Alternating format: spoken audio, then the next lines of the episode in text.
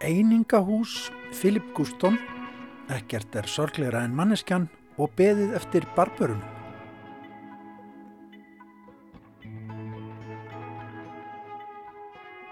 Í vísjá dagsins verður rætt við Guðjudögg Haugstóttur, arkitekt um síninguna Prefab Forsmíð sem að opnaði um liðnahelgi í Skaftfelli menningarmiðstöð Östurlands. Á síningunni er farið yfir fagurfræði og sögu norsku einingahúsana sem að risu við Seyðisfjörð í byrjun síðustu aldar, auk einingahús eftir Le Corbusier og norsku arkitektana Rintala Eggertsson. Bókvíkunar að þessu sinni á ráseitt er skaldsagan beðið eftir barbörunum eftir Nobel-skaldið John Maxwell Coetzee. Tveir Þýðandur koma að verkinu þau Sigurlína Davidsdóttir og Rúnar Helgi Vignusson. Þau segja frá bókinni í Vísjádagsins og við heyrum líka lesið brott úr henni.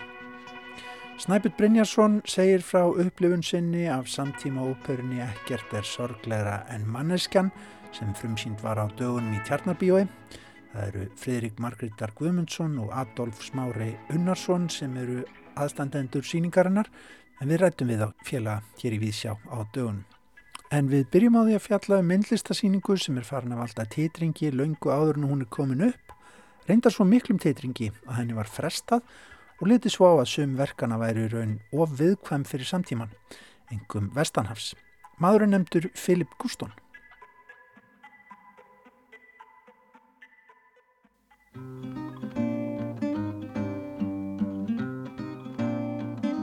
Destruction of paintings is very interesting to me and almost crucial. Sometimes I find that what I've destroyed five years ago, I'll paint now as if when the thing first appears, you're not ready to accept it either, you know? There's some mysterious process at work here which I don't even want to understand.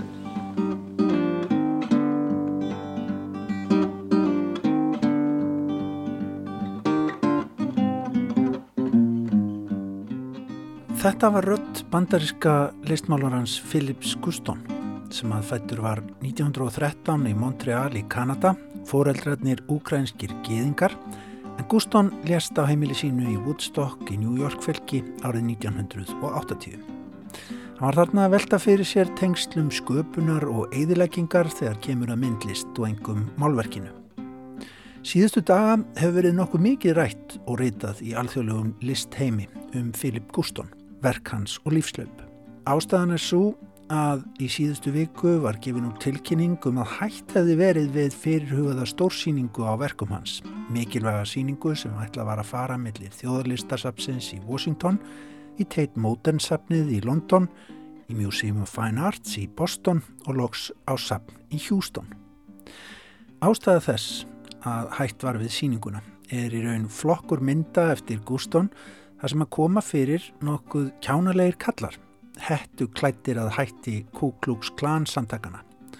Og þessi verk urðu til þess að áallari síningu var frestað fram til ársins 2024 með þeim orðum að beðið yrði með hana þar til söpnin álitu að kraftmikil pólitísk skilabóð listamannsins um félagslegt réttlæti og líkra kynþáta gætu verið metinn og tólkuð á skýrari hátt. Sem sagt, annarkvort var verkunum í raun ekki treyst til þess að koma fram á síningu í okkar samtíma á tímum Black Lives Matter og mestu kynþáttaólgu sem bandarikinn hafa séð í allavega halva öld eða svo, eða þá að gestumsafna var ekki treyst til þess að greina kjarnan frá hisminu.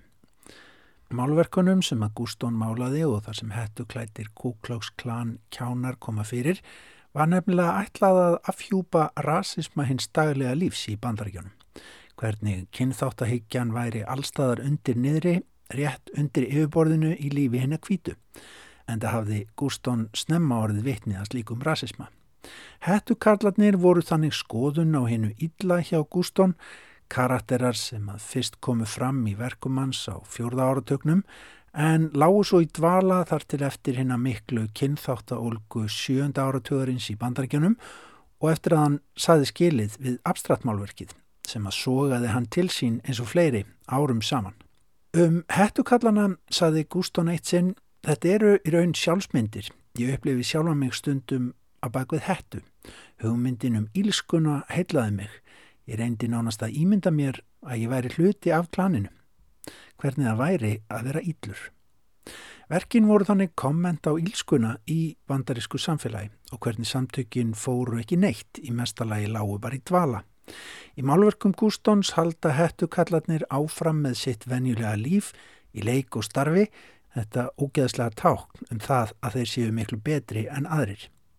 En ákvörðunin um að senka þessari síningu af því að verkinn séu á einhvern hátt og viðkvæm í samtíma okkar hefur vakið aðtikli og sumstaðar hörð viðbröð. Sumir vilja tala um heigulshátt hjá safnunum en aðrir um yfirleitis fulla afstöðu safnana þar sem viðmótið snýstum að engir aðrir en sérfræðingar geti skilið myndlist og eintak hennar. Á Facebook vakti Hallgrimur Helgarsson, ríðtöfundur og myndlistamæður aðtikli á málunu og skrifar þar meðal annars að að mati listasafnana sé meining Gústóns með verkunum ekki álítið nógu skýr. Þau treysta ekki almenningi til að tólka verkin í rétta átt, segir Hallgrimur. Ég slóa þráðinn til Hallgrims Helgarssonar.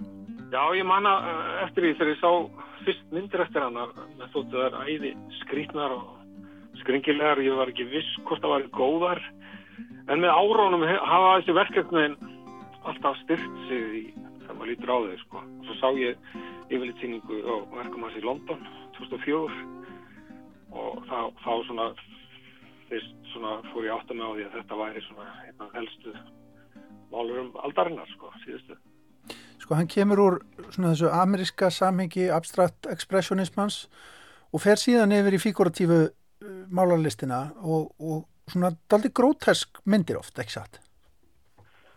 Jú, hann svona Guston var til dæmis góður vinur Jackson Pollock uh, og Pollock var fluttið til New York og hann skoraði á Guston að koma yfir til New York, þar væri alltaf gerast og, og svo fer hann hann yfir og verður í ringiðinni og, og fer að mála svolítið öðruvísi verk eftir hann kemur þangað, hættir í figuratífunni og fer að mála svona abstrakt verk eins og vinirna er þar sem eru náttúrulega bara að verða heimsfræði bara kortir eftir hann kemur.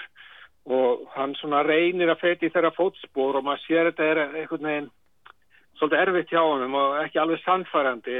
Þetta er bara einhvern veginn tískan heldtekur hann og hann, hann fer með sko og verður svona ágætlega þektur sem slíkur en svo bara einhvern veginn fær hann nóg og maður svona haft eftir honum að ég fekk bara nóg að þessari seinlínu stefnu, þetta var svo leiðilegt og þannig að hann tekur algjöru auðbegi og það, það er í kjölfarið á algjöru svona tauga áfölli sem hann verður fyrir.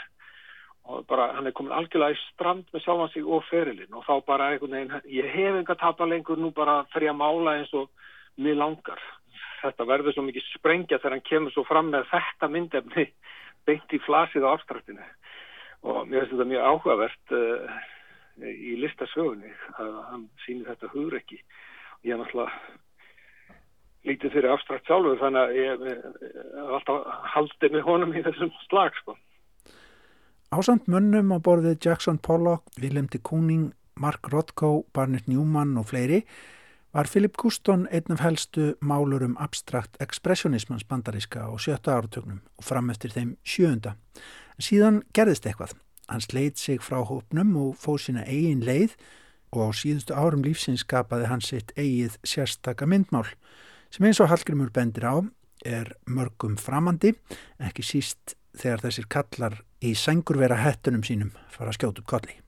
Hann svona sleppir sér lausum og, og er rauninni bara að mála eh, lífsitt, fer svona út úr listheiminum, flyttur hann upp í, í Woodstock í Upstate New York og, og flyttur úr ringiðinni út í sveit og fyrir að einbeita sér bara að því að mála sko úr undir meðutundinni og bara beint úr sálinni einhvern veginn. Og þá poppa upp þessi, þessi, þessi skringilu myndefni eins og mennir með Kúks klanhattana og allt þetta skömmlum skóm og, og, og afskotum fótleikjum þá er þetta eitthvað frá barnæsku hans í Los Angeles þar sem eh, pappans var geðingur nýfluttur frá Úkrænu sko og flúði til bandarækjana en hann fekk enga vinnu nema vera svona öskukall í Los Angeles og, og þetta var mjög niðurlegandi jobb á þenn tíma og, öll fjölskylda var markarið af þessu og svo, svo framdi pappin sjálfsmorð þegar uh, Guston var 11 ára og Guston var koma af honum sko. og þetta var náttúrulega svakalit áfall og hann var rauninni bara allan, allan sína æfa að vinna úr því og, og svolítið aldrei jafna sig og, svona, og allt þetta svaf í undir með þundinni uh, megnið af lífuna þá til hann var orðin svona 50 eða 45 ára kannski þá, þá byrjaði hann að vinna úr þessu nei 55 ára því að hann nærunni bara 10 árum frá 1970-80 þá er hann að mála þessa myndir sem hann verður svo frægur fyrir. Hann má segja að allt æfistarfið sé málað á 10 árum. Dóttir Philips Gústón hefur tekið til máls á síðustu dögum í þessum deilum um rétta tíman til að sína verkans, hvort þau stuði nú eða ekki, hvort réttur lestur á þeim skili sér eða ekki. Fadir minn vogaði sér að afhjúpa samsagt kvítamannsins í þessum verkum skrifar dóttirinn Músa Mæjar í yfirlýsingu. Hann benti á sameinlegt hlutverk okkar í því að leifa rasískum terror að grafa um sig í samfélaginu og sem að hann hafði sjálfur orði veitni að strax í æsku. Þessi málverk hitta okkur rækilega fyrir í dag, hættan fælst ekki í því að horfa á verk Philips Gustón, heldur að horfa í burtu. Ég finnst það náttúrulega nokkuð sorglegt sko að að söpminn treysti ekki almenningi til að sjá í gegnum verkin og sjá hvað, hvað hann er að mála í raun og veru. Því að hann notaði þennan hatt sem, sem fulltrúa fyrir í Ídla í amerísku þjóðlifi uh, hann hafði sjálfur orðið vittnaði þegar Ku Klux Klan uh, meðlumir gengum masseruði í gegnum gödunar í Los Angeles. Og það var einhver svakalega bernsku minning sem grefti sig inn í hann. Síðan gerðan mjög mikla ádeilu seri um Nixon árin eh, þegar Nixon er að segja af sér. Og, og þar er Spiro Agnew með svona hatt á haustum þannig að hann er alltaf að nota þetta annars slæð og, og, og hann er rauninni uh, að mála þennan hrylling það sem minn hvita Amerika leifi sér þennan rasisma og og er í rauninni alltaf með þennan Kúks klan hatt á haustum í sínu daglega lífi. Fólk er rúnt að hafa um göturnar í einhverjum bílum og reykja vindla og alltaf með þennan hatt á haustum þannig að hann er svolítið svona affjúpa rasismann í hérna kvítu Ameríku. En það er það er kannski ekki allir sem skilja þetta alveg strax. Og ég hef smá skilning á því að svartir hafa ekkit umbyrðalundi fyrir því að sjá myndir af þessu þessu ógeði hérna í einhverjum virtum söpnum eh, og kannski ekki allir sem fattar strax að þetta er gaggrinni á rasisma. Þannig að þetta er mjög svona áhugavert mál, mjög snúið. Satt að segja sínir þetta samt að list Gustons er eh, sprellifandi og líkt eh, list kollega hans sem fordæmdu hann þegar hann yfirgaf afstraktið.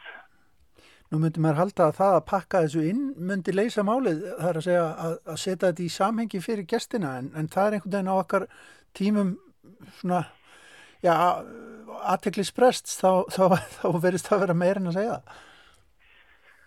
Já, mér sýnist sko að þetta séu aðalagsöfnin í bandarækjunum sem eru að draga lappirnar og eru komið kalda lappir í þessu máli en uh, sko það er það er kannski auðvöld fyrir okkur að tala um þetta sko og segja þetta gagd einu þessa ákvörðun en það er kannski annað að vera í bandarækjónum þar sem að þessi máli eru bara alveg sjóð heit og, og fólk vill ekki styggja baráttu svartra. Þetta er svona mjög viðkvæmt efni, þetta er svo satt uh, söipað og, og á eftir strísárunum í Þýskalandi. Það var ekki allra færi að vita hvernig átt að haga sér hvað þú mátti segja og, og hvað ekki þegar að koma gýðingum og næstum. Já, þetta er, þú verður kannski að vera á vettvangi til að skilja þetta.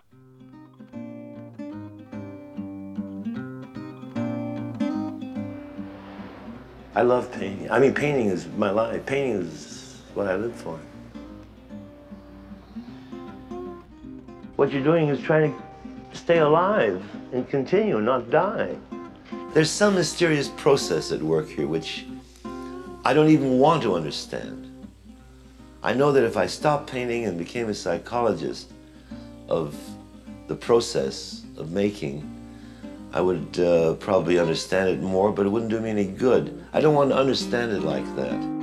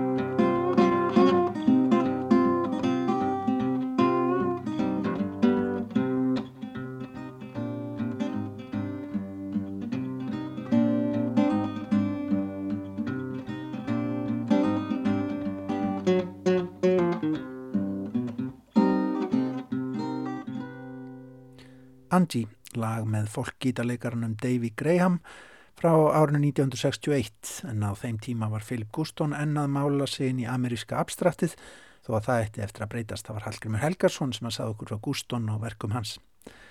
En þá að bók vikunar hér á rásætt sem að þessu sinni er skáltsagan beðið eftir barbörnum eftir söður afríska Nobels höfundin John Maxwell Coetzee.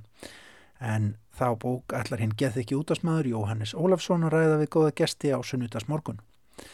Bókin kom út árið 1980 og er án efa eitt af þekktustu verkum höfundar.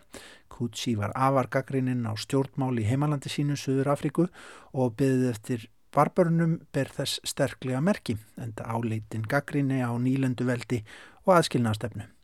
Sagan segir frá ónefndum dómara í litlum landnema bæ á mörgum valdamikils heimsveldis. Lífið í bænum hefur verið fremur kyrlátt þar til herdelt sest þar að vegna yfirvofandi styrjaldar við barbarana þó óvist sé hvort um raunverulega ógn sé að ræða. En fráttur það þá byrjar herfóringin Joll á því að taka hinn að títnemdu barbara fanga og pynta þá í leitað upplýsingum um fyrirhugaða árás. Dómarinn í bænum kann illa við framgöngu herfóringjans og siðferðislegar spurningar vakna um aðgerir heimsveldisins og nýlendu bröld þess. Beðið eftir barbörunum kom út í íslenskri þýðingunum á dögunum og voru þýðendurnir tveir sem að koma að henni, þau Sigurlína Davíðsdóttir og Rúnar Helgi Vegnisson. Bókin var upphaflega þýtt fyrir útvarp árið 1984 og síðar endur skoðuð fyrir prentuðu útgáfana. Við skulum heyra brot úr viðtali við þýðendurna tvo sem var í lestinni hér á rásætt í fyrra og Rúnar Freyr Gíslason les líka brot úr bókinni. Já, það er kannski erfitt að lýsa því í hnútskurn en hún sem staðalpersonan og sá sem segir söguna er, er dómari í, hérna, á mærum sem að í, í einhver, einhverju landi sem kallað er bara heimsveldi og uh, hann er sem sagt uh, búin að lifa þarna í makindum hans, hans lengi og, og nýta sér eitt og annað þarna sem að meðal hans hvern, hvern fólkið frá semst uh, innfættu konurnar og hérna og matagerðarlist og fleira en, en svo allt í hennu verður einhver stefnubreiting hjá heimsveldinu. Og um, talsmenn þess verða samfærður um að uh, það sé yfirvóandi ykkur innrás uh, að barbaranir ætlir sér að ráðast inn í, inn í landið og, og hérna eiginlega búa til fréttir um það. Og það svona hrindir af stað ákveðinni atbyrðarás um, þessi já, þetta eiginlega þetta stress og þessi hálgerða örvending, þessi tilbúni ótti sem að ríkir þarna í heimsveldinu og minni nú satt að segja á ýmislegt sem, sem er að gerast í hennu vestrana heimi í setni tíð. Mm -hmm. Þannig að þetta er svona í grundarallaraturum og síðan alltaf verða þarna sérkynlega átök á, á milli og þetta er svona uh, eiginlega eins konar rapsodía um, um valdið hvernig farið er með vald og hvernig því er beitt og misbeitt. Já. Þetta, þessi bóku, þetta sprettur upp úr aðskilnaða stefnunni eins og allar bestu bækur Kutsíes spretta upp úr aðskilnaða stefnunni um, og þannig að hérna hann er náttúrulega að endurskapa eitthvað leiti þau minnstur sem hann sér í kringum sig þarna og þetta er skömmu eftir að Steve Biko er, er að þér verðist drepin í haldi og það er mjög svipu lýsing í þessari bóka og það sem að einhverja innfættuða barbarna er drepin í haldi. Um, þannig að það er alveg ljóst að, að þeir atbyrðu sem að ha, hann var að fást við í sínu heimalandi að þeir eru þarna í baksviði bókarinn en samt býr hann til einhvers konar land, þetta heimsveldi sem er ekki Suður Afrika Einmitt. þetta er einhvers konar staðleisa sem að getur verið nánast hvar sem er sko og, og það líka en skuli sjá þörf fyrir að búa til okkar staðleysu sínir sko hversu þrúaður kannski hann var sem rítumundur og hann tjáði sig um það sko hversu mikið mikið bæling og rýtskoðun var í gangi í landinu á þessum tíma. Það er mjög merkilegt, sko, náttúrulega vitneskja manns um að þetta sé söður afrískur höfundur gerða verkum að maður fer strax að ímynda sér að þetta hljóti nú að vera í Afríku en svo koma nú ymsar eh, hérna eh, vísbendingar um annað og þetta verður svona einmitt. Þetta er einhver staðleisa og maður, maður veit eiginlega ekkit hvar maður er nákvæmlega. Þetta verður bara svona svolítið almenn eh, tókstreita milli Um, sem, sem ásist stað á svona mærum yfirleitt kannski, já, milli heimsvelda og, og, og, og hinna einhvern veginn, sko. Já, þessi bók er svolítið um, sko, eins og Rúnar Helgi segir, um vald og svo um þessa hugmynd, sko, við og hinnir og þetta er svona, um, þetta er líka menningarrýnir, þetta er menning, þannig að rekast á alls konar menningarheimar og þannig er spurning um, sko, umbyrðalindi fyrir því eða, eða algjörlega sko, einstefnu uh, kyrsla á eigin skoðanir. Mér finnst, uh, sko, mér finnst hvað sé að hafa tekist afskaplega vel upp að koma því til skila. Hvað er mikill vandi að fara með vald? Sérstaklega þar sem að, og náttúrulega erum er, við alltaf í fjölmenningu, saman þó við séum ekki með aðra þjóðflokka sko. En þarna var það alveg augljóst að það voru margir menningar heimar undir. Svo að, svo að mér finnst þetta afskaplega aðdeglisvægt hvernig honum tóst að koma því til skila.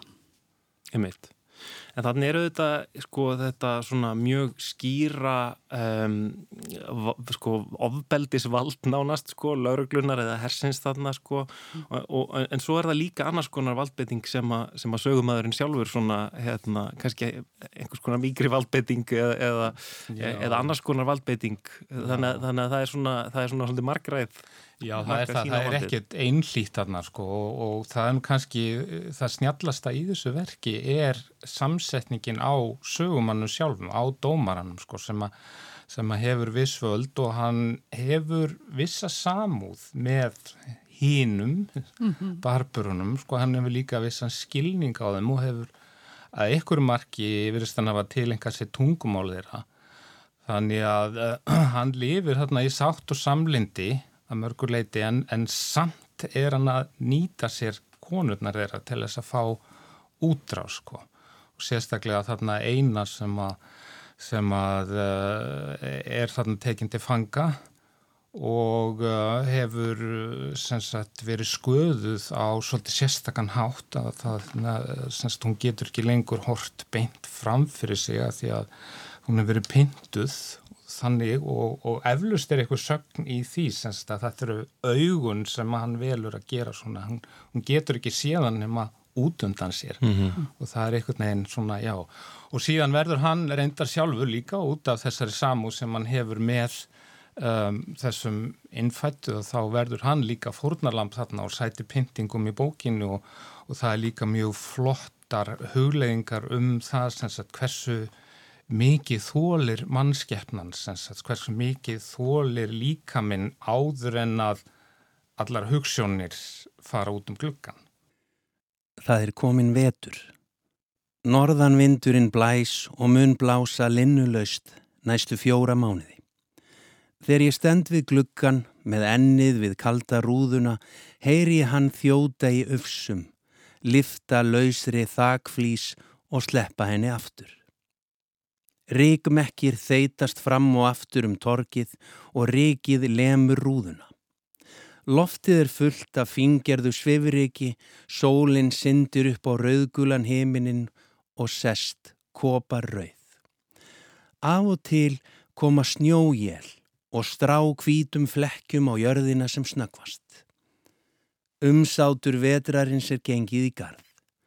Það er engin á ögrónum, engin hefur ástæði til að fara út fyrir bæjarmörkin nema þeir örfáu sem hafa atvinnu að veiðum.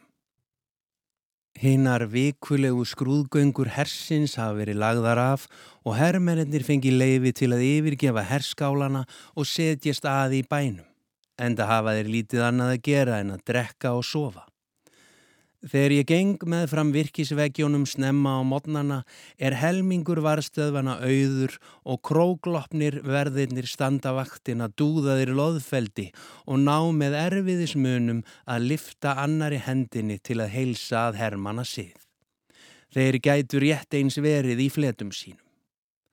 Heimsveldið er örugt meðan veturinn ríkir. Barbararnir hnappast líka saman við eldin og gnýsta tönnum í kuldanum þar sem við sjáum ekki til. Engir barbarar hafa sótt okkur heim þetta árið. Hyrðingja hópar voru vanir að koma inn í bæ á veturna, slá upp tjöldum utan við virkisveggina og hefja verslun, skipta á ull, skinnum, álnavöru og leðurvarningi fyrir bómullarvörur, te, sigur, bönir og kveiti. Við kunnum vel að meta leðurvarning barbarana, sérstaklega sterkleg stígvélinn sem þeir búa til. Í gegnum tíðina hef ég kvart til viðskipta við þá, en bannað peningagreðslur. Einni hef ég reynd að meina þeim aðgangað krám bæjarins. Ég vil síst af öllu sjá samfélag sníkjudýra verða til í útjæðri bæjarins, fullt af betlurum og flækingum sem eru háðir sterkum drikkjum. Áður fyrr fannst mér hörmulegt að horfa upp á fólk falla fyrir gillibóðum veitingamanna og láta vörur sínar í skiptum fyrir áfengi, liggja svo dauða drukkið í göturæsinu og staðfesta þannig fordóma bæjarbúa um að barbarar séu latir, siðlausir, skítugir og heimskir. Ef siðmenningin fól í sér að grafa undan degðum barbarana svo þeir eruðu háðir öðrum, Þá var ég á mótið siðmenningunni og á þeirri sannfæringu byggði ég stjórnarhætti mína. Þetta segi ég sem hef barbara stúlku fyrir rekjunöyt þessa dagana. En þetta árið er eins og tjald hafi fallið eftir endi laungum mærunum. Við grínum út á slétturnar af virkisveggjónum. Hver veit nema fráni augu en okkar gríni á móti. Viðskiptum er hægt. Síðan bóð bárust frá höfuðborginni um að allt skildi gert sem nöðsinn krefði til að vernda heimsveldið hvað sem það kostaði, höfum við snúið aftur til þeirra tíma þegar árásir og vopnuð fríðargesla voru daglegt brauð. Það er ekki annað að gera en að hvetja sverðin, vera á varðbergi og býða. Þannig heyrðum við lesið úr beðið eftir barbörnum eftir Jóðem Kútsi. Bókin er bókvíkunar á rás 1 á sunnudagsmorgun þegar gestur Jóhannsar Ólarssonar til þess að ræðana verða Ástráður Eistensson, professor í bókmyndafræði við Háskóla Íslands og Tinna Áskestóttir, verkefnastjóri Rítvöndasambands Íslands. En Snæbjörn Brynjarsson, hann er byrjaður að fara í leikús og á sviðslistasýningar með það fyrir augum að segja hlustendum viðsjár skoðun sína. Hann fór og sá samtíma óperu á dögunum niður við tjörn. Ekkert er sorgleira en manneskjan. Ný íslensk nútíma ópera var sínd í tjarnabíó nýverið. Tónlistin er eftir Friðrik Margreðar Guðmundsson en teksti og leikstjórn var í höndum Adolfs Smára Unnarssonar. Leikmynd og búningar eftir Bryndísi Ósk Þotn Ingvarsdóttur. Dramatúrg var Mattias Tryggvi Haraldsson. Elmar Þórarinsson bjóð til myndband fyrir síninguna. Pétur Björnsson sá um tónlistarstjórn og um ljósahönnun sá kórdringurinn Hafliði Emil Barðarsson. Að verkinu komu fleiri listamenn, fimm manna hljónsett sá um undirspil með klarinett, flautu, fýðlu, selló, harmoniku og ráftónlist og fjórir söngvarar voru með hlutverk í síningunni.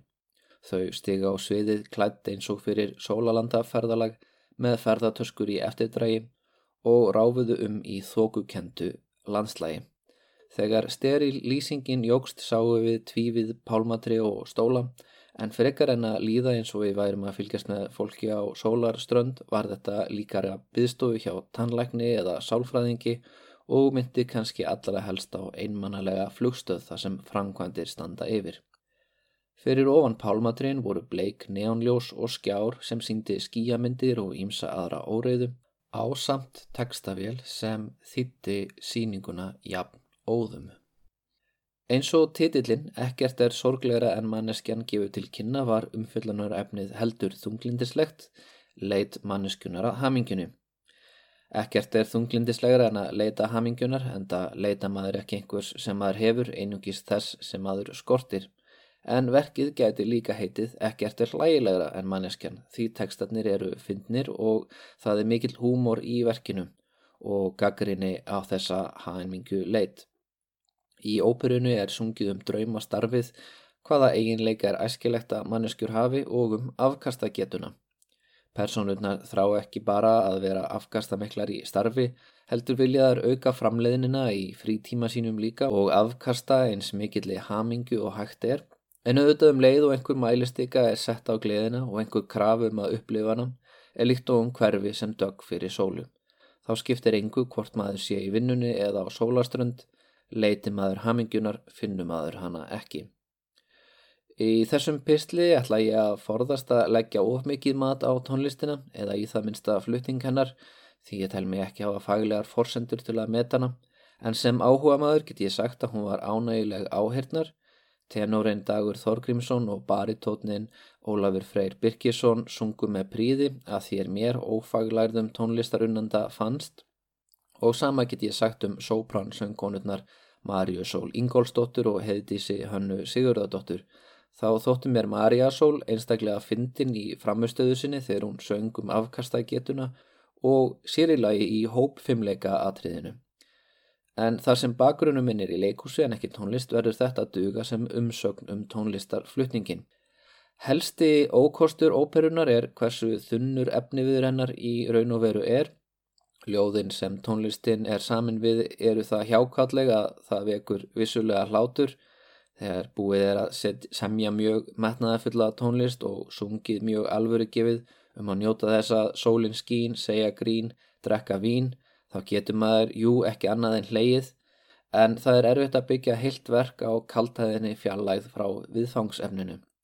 Vegna þessa finnst mér miklar sveiblur í gæðum síningarinnar Hún er vissulega ánæguleg en það hefði kannski mátt leifa sér meiri heimsbyggilegar vangaveltur, meiri einlægni eða alvöru til að rannsaka innstu þrár og langanir mannfólksins.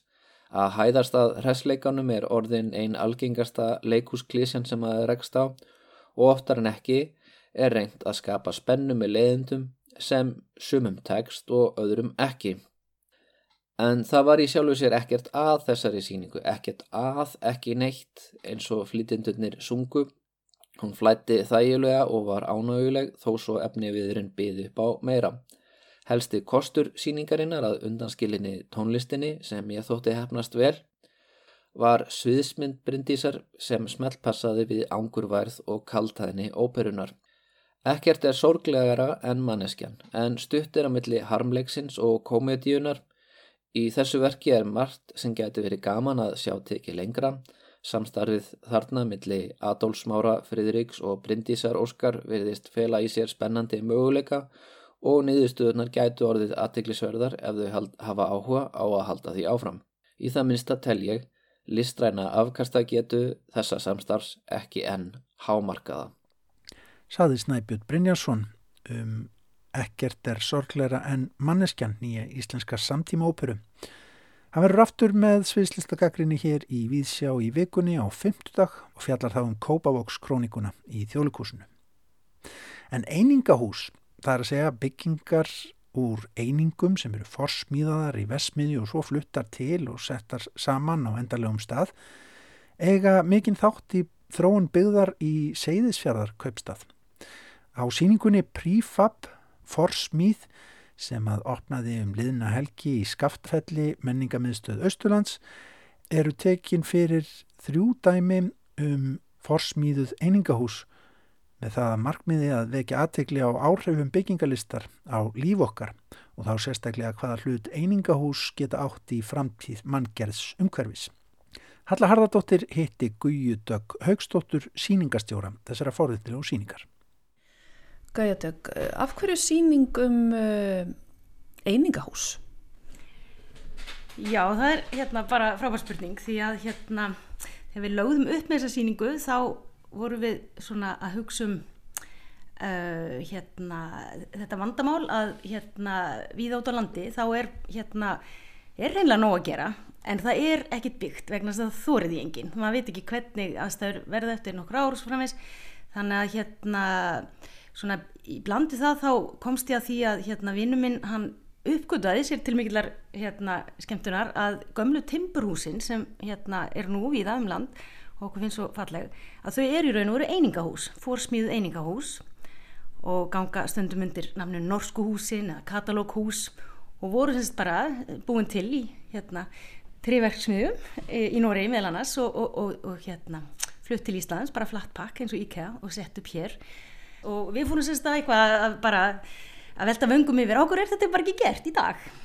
Þegar vandamálið er ekkert meira en þetta. -hmm. Það er kannski rétt að skjóta það hér inn fyrir hlustendur að þessi norsku hús þessi sem á líka stundu verið kallu Svætsarhúsin um, eru eins og þú segir út um allt land og hérna í Reykjavík líka. Og þetta er þessi timburhús sem á okkur þykja einstaklega fallegi í dag og erum öruglega flest þakklátt fyrir að hafa ekki verið rifin á, á sínum tíma eða þegar það átt að gera það. Og einingahús er ekki beint það fyrsta sem mann er dettur í hug þegar maður sér einmitt þessi fallegu timburhús.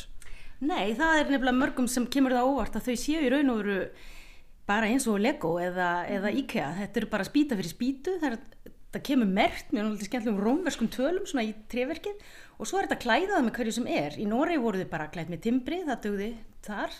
Hér hérna kom Báriátnum fljótt sem góð veðurkápa og það er ekkert að breyta hinn á þessu. En þetta klassiska lag það er einhvern veginn eins og uh, eins og það haldi óalega vel út af manneskjuna. Það, það er svona hannað það voru góðir arkitektar á þessum hérna eins og strömmen trefavari fabrikken sem mörg okkar hús að koma frá.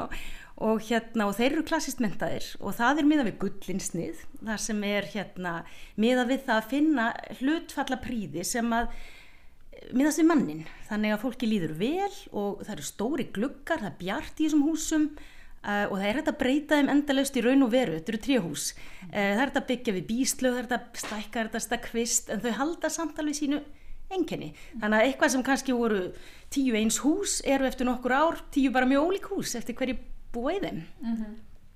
Og hvaða hugsun liggur að baki þessum húsum í Noregi á þessum tíma? Hvað átt sér stað, hva, úr hvaða samingi spretta þau?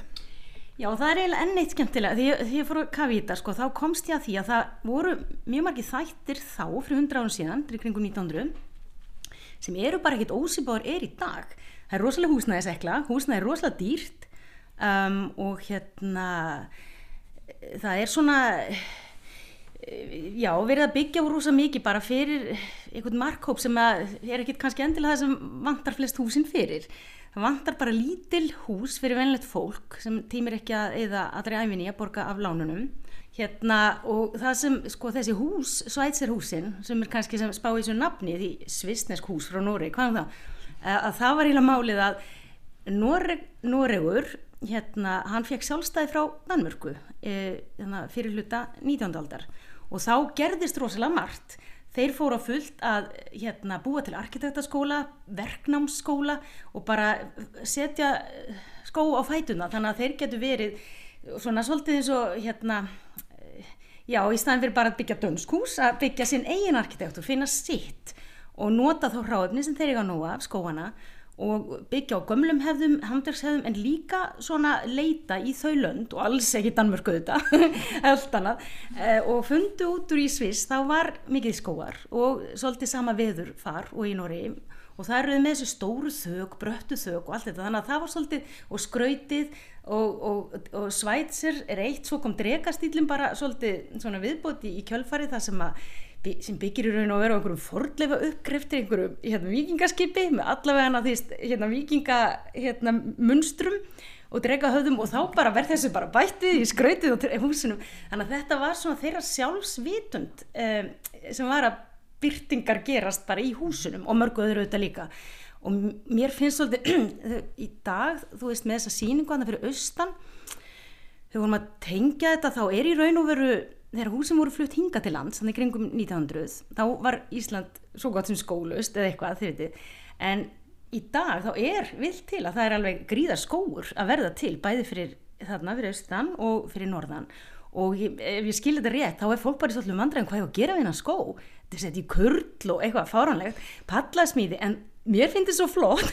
Ef þetta myndi verða svona kvartning fyrir bara unga hérna, arkitekta eða aldraða líka að fara að spá í hvort þess ekki hægt að þróa svona íslensk einingahús úr íslensku skó. Og nú þurfum við ekki lengur að flytja inn spörum sótspórið þar og svo framvegs og fáum bara win-win fyrir allan finningin mm -hmm.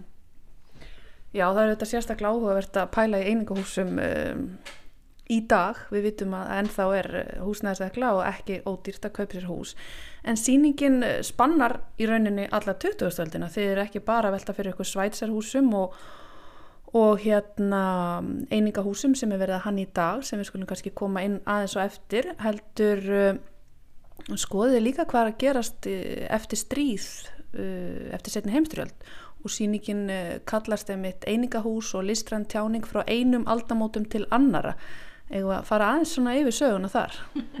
Já, þetta er svo langt ekki að tala endalist en hérna svo við stiklum á stóru þá hérna kemur náttúrulega upp með reglum millibili gríðali húsnæðisekla einhver hluta vegna, það er eins og borgirnar eða já, samfélagin þau náttúrulega það tekur smá tíma að byggja hús þannig að það er ekkit skrítið að koma svona bylgjur.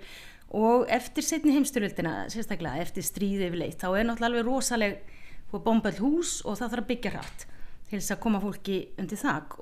eftir setni heimsturöldina þá var semst, bara hreinlega móternismi ráðandi svolítið hérna hugmyndafræði og uh, Luc Corbusier sem var svona einn af hérna, frumkvöðlunum bæði í hugmyndafræði og bara í að byggja hann hérna byggði nú mestmægnis í steinsteipu og þekktur fyrir gríðarnar komplex og stóra hluti og flotta en hérna leynist eitt hús eftir hann úr tríi sem upprunlega var sko hugsað sem svona fjöldaframleitt einingahús og átti að framleiði stónstíl og var aldrei framleitt nema eitt eintak úr tríi sem var hérna smíðað, fór smíðað í, í Korsíku og flutt hérna yfir til Suðu Fraklands þar sem að það stendur enn.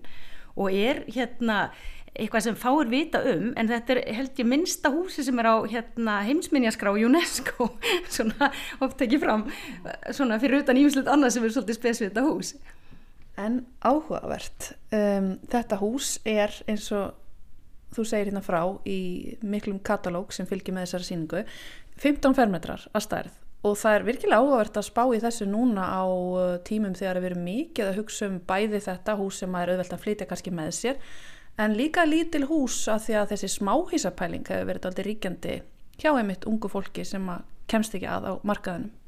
Já, nákvæmlega, mér finnst það svo ótrúlega, því meira sem ég lesum þetta, því meira finnst mér spennandi að sjá hvort við getum ekki, hvort það er ekki eitthvað í þessu sem hægt er að nýta í stöðun eins og nýr dag. Það er, ef eitthvað enginnir samtíma þá er það vistvæn hugsun. Við ætlum að eiga hann hérna nött og þess að er aðeins lengur og hérna þá þýðir ekkert að vera að hugsa eh, svona eins og við höfum verið að gera höndaförnu og meðal þess sem sko, verður að hugsa til, það er að byggja náttúrulegum efnum, byggja staðbundið, eh, byggja smátt og fara þá bara hérna út í bæ hefur maður ætlar að halda fermingvæslur eða eitthvað. Bara, en þannig að fólki líði samt vel og það má gætnan vera fallegt líka. Það þurfu ekki að vera gámar eða einhverju kartiblukofar sem eru bara neyðarskíli um, og kannski í, í þeim svona takti þá má kannski grípin í sagt, þriðja á síðasta hérna, húsi sem við tökum fyrir á síningunni sem eru notabenni byggð í raunstærð á síningunni svo fólk getur svona fengið svolítið hérna, tilfinninguna fyrir hvernig er að vera hérna inni, það er ekki bara tekníkar og svona eins og vanalega. Um, en það er sérst hús eftir hérna, stofuna hérna, stofu sem heitir Rindala Eggertsson arkitektar. Norski hérna Dagur Eggertsson og finski Sami Rindala sem eh, er með stofu í Oslo. Og þeir hafa verið síðustu ár að þróa einingahús fyrir flóttafólk eða flóttamannabúðir og út frá hugmyndinni að, sagt, að nú er bara mjög víða gríðarlega langvinn stríð í heiminum. Og það er gríðarlega stórir hópar að flótta fólki á vergangi. Og eins og bara var ekki fréttum um daginn að hérna, kveiknaði í og þessi tjöld sem þeim er skipað í og á auðvitað vera til skamstíma og svo endar fólk með að búa þarna ár út og ár inn í steikjandi hýta, ískulda allavegana sem er náttúrulega alveg hörmulegt þannig að þeir svona fóru eitthvað eru meðal, já eru fleiri reyndar svona, sem er að huga að hvað er hægt að gera er ekki hægt að gera eitthvað í þessu bara hér og nú. Og hafa verið að þróa rosa skemmtilega svona örhúsa hluta já einingar eh, sem er bara flutt svona flattpakk og hérna úr tríi krossveðaplötum sem svo er hægt að klæða með plasti eða blikki eða hverju sem nú hérna hægt er að bæta við. En í raun og veru er þetta bara, þetta er bara eins og litlir appisnuglir pakkar með plastutanum og það þarf ekki um að tvo menn til að bera þetta. Nánast ekki um að skeið til að setja saman og svo getur þú ræða saman. Þannig að það er ein eining og allt svona cirka 15 fermetrar eftir hérna, þetta er svona eitt leiðir af öðru. Og já þannig að þetta ræða saman. Þannig að eftir bæði menningar heimum og, og öðru að hérna annarkort ræði þétt eða utan um opin húsagard eða hvernig sem þannig getur orðið og finnast af öllu er eiginlega að það er að hérna, eftir því sem að þetta spyrst út þá eru eiginlega að verða fleiri og fleiri bara ung, ung menni í okkar hluta heimsins í Noregi sem bara segja hei við viljum líka svona hús, þetta er frábært. Við þurfum ekkert stærri en þetta, þetta er, og þetta er fallegt, þetta er einfalt og dagspyrta, það er hugað alls konar góðum lausnum eins og klósett, regnvagn, allt þetta tengið allt í vistvænt og endurnýtanlegt eins og maður bara vil. Þannig að það er við erum eiginlega komin ringin hérna með Svætsirhúsin að búa til lítil falleg hús á einfaldan hátt úr tré sem hægt er endurnýta eða taka með sér eða hvað sem er og já, bara fallegt. Mm -hmm. Og það sem er líka merkilegt við þessa síningu sem að þið hafið sett upp þarna í skaftvelli er að þið byggið einmitt eh, byggið inn í rýmið eh, hluta húsana í raunstærð og það var kannski ekki uppalega pælingin en var það ekki mm, eitt gluggi sem að þarna stendur á síningunni sem að var í rauninni kveikjana þeirri hugmynd. Segð okkur hans frá þessum glugga. Já, gluggar eru frábærir. um, já, þegar við vorum að spá hvernig, hérna, svona, hvernig veitum að nálgast að sína þetta, þá hérna, hérna fór ég til Seyðisfjörðar og fekk að gramsa í, í hérna geimslun og tæknuminjasaflinu sem er guðdómleg algjörlega. Og þar inn í hotni, út í hotni, það, það var einhvern sem rámaði, jú, heyrðu við eigun og vist einhvern hérna, ég var svona velta fyrir mig bara einhverjum listum, einhverju, því það er hérna, já, Uh, og þar fannst hérna alþakking Kungulofi og Ríki gluggi af sagt, einhverju svætserhúsi, katalóghúsi uh, sem að svolítið brotin en að öðru leiti alveg heilegur og þetta er svo fallegt, það eru svona smáar rúður með lituðu gleri, þau greinlega verið á einhverjum fallegum stað. Og við hugsaum ok, við byggjum, við byrjum hér. Og hérna þannig að ákvörðunin var að, að hérna taka út gluggan og, og hérna þurrkáðan Ríkið og smíða vegg stubb svona eins og hefði verið í húsi og maður sér kannski einmitt ekki alltaf því það er hulið, hérna veggjaklæðningu og, og veggfóðri og hvað veit ég. Og hérna þannig að það er svona startið. Um, og svo eru semst, hérna hlutar af húsunum hinnum tveimur sem eru byggðir í raunstærð og ekkert að stiga inn í það og kíkja. Og hérna út um glukkana líka það er semst mjög hérna ákveðin glukki í báðum þeim meiningum um, og hérna og og tengjum svolítið glukkana því glukkanir eru mjög mismunandi. Þetta er mismunandi stíl, það er gullin snið og það er módulor og það er frjálsmyndbygging í miskona hugmyndafræði í fagfræði, lögum hlutvöldum um, og við tengjum sagt, hvert hús í raun og veru við samtíma myndlist líka. Hengum hérna unga myndlistamenn til þess að vera með hérna, verk á veggjunum sem að sko eru auðvitað búin til bara í áru og í fyrra. En hughrifin í þeim þau passa svo fallega við þessi hús og það finnst mér hjálpa svo við að uh, vekja aðtegli á því að hús er ekki bara tæknilega lausnir og verkfræði heldur eru þau fyrst og fremst list af verk, byggingalist, notalist, nýtjalist að sjálfsögðu en það skiptir alveg máli hvernig hlutinni líta út og, uh, og það má alveg hérna, huga þeim nótum þegar maður er að njóta byggingalista. Þetta er virkilega spennandi síning og mikið lesefni sem að ég sé hérna að fylgjur með henni. Og námsefni reynda líka eins og Skaftfell hefur oft gert áður. En um, þessi síning mér standa uppi fram að jólum og uh, já, við hvetjum bara alla austfyrðinga og, og þeir, já, reykveikinga og hvert sem er til að kíkja þarna, hver veitnum hún farið kannski að flakka eða hvað þessi síning, hún ætti náttúrulega að gera það með þessi hús sem að er hægt að taka upp og flytja um set. Nákvæmlega, það verður rúsalega gaman. En hérna, já, ég, þetta, er, þetta er kannski ekki alveg árstími þar sem flestir eru á faraldsfæti en já, ég hérna vona allavega að fólk fái áhuga á þessu því þetta er virkilega hérna gaman að sína byggingalist á þennan hátt. Uh, sem, og líka hvernig hún tengist bara okkar samtíma með svo margt. Og, og, og kannski mikilvægi þess að upplifa, ekki alltaf að skoða eitthvað á bókum eða teikningar sem eru ílskiljanlegar heldur bara að upplifa líkamlega í raun og veru, að geta stíð inn í hlutina, komið við og, og hérna upplifað. Hvað er hátt til loftsins, hvað er vitt til veggja og hvað er kannski bara kósi að séu ekkit stort hm. Halla rætti við Guðjudögg Haugstóttur, arkitekt og síningastjóra síningarinnar Prífab Fórsmíð sem að mun standa uppi í desember í Skaftfelli, menningamiðstöð Östurlands á Seyðisferði. Það er rétt að geta þess að í samspili við þrývíðar einsetningarnar í Skaftfelli eru verk eftir þrjá unga listamenn. Það eru þau Marja Sjöfndu Púís Davidsdóttir, Ingun Fjóla Ingþórsdóttir og Artur Kári Eilsson. En Með þessu spjalli um síningahald fyrir austan ljúkum við viðsjá í dag. Takk kærlega fyrir samfélgin í dag. Verðum hér aftur á morgunna á sama tíma. Verðið sæl.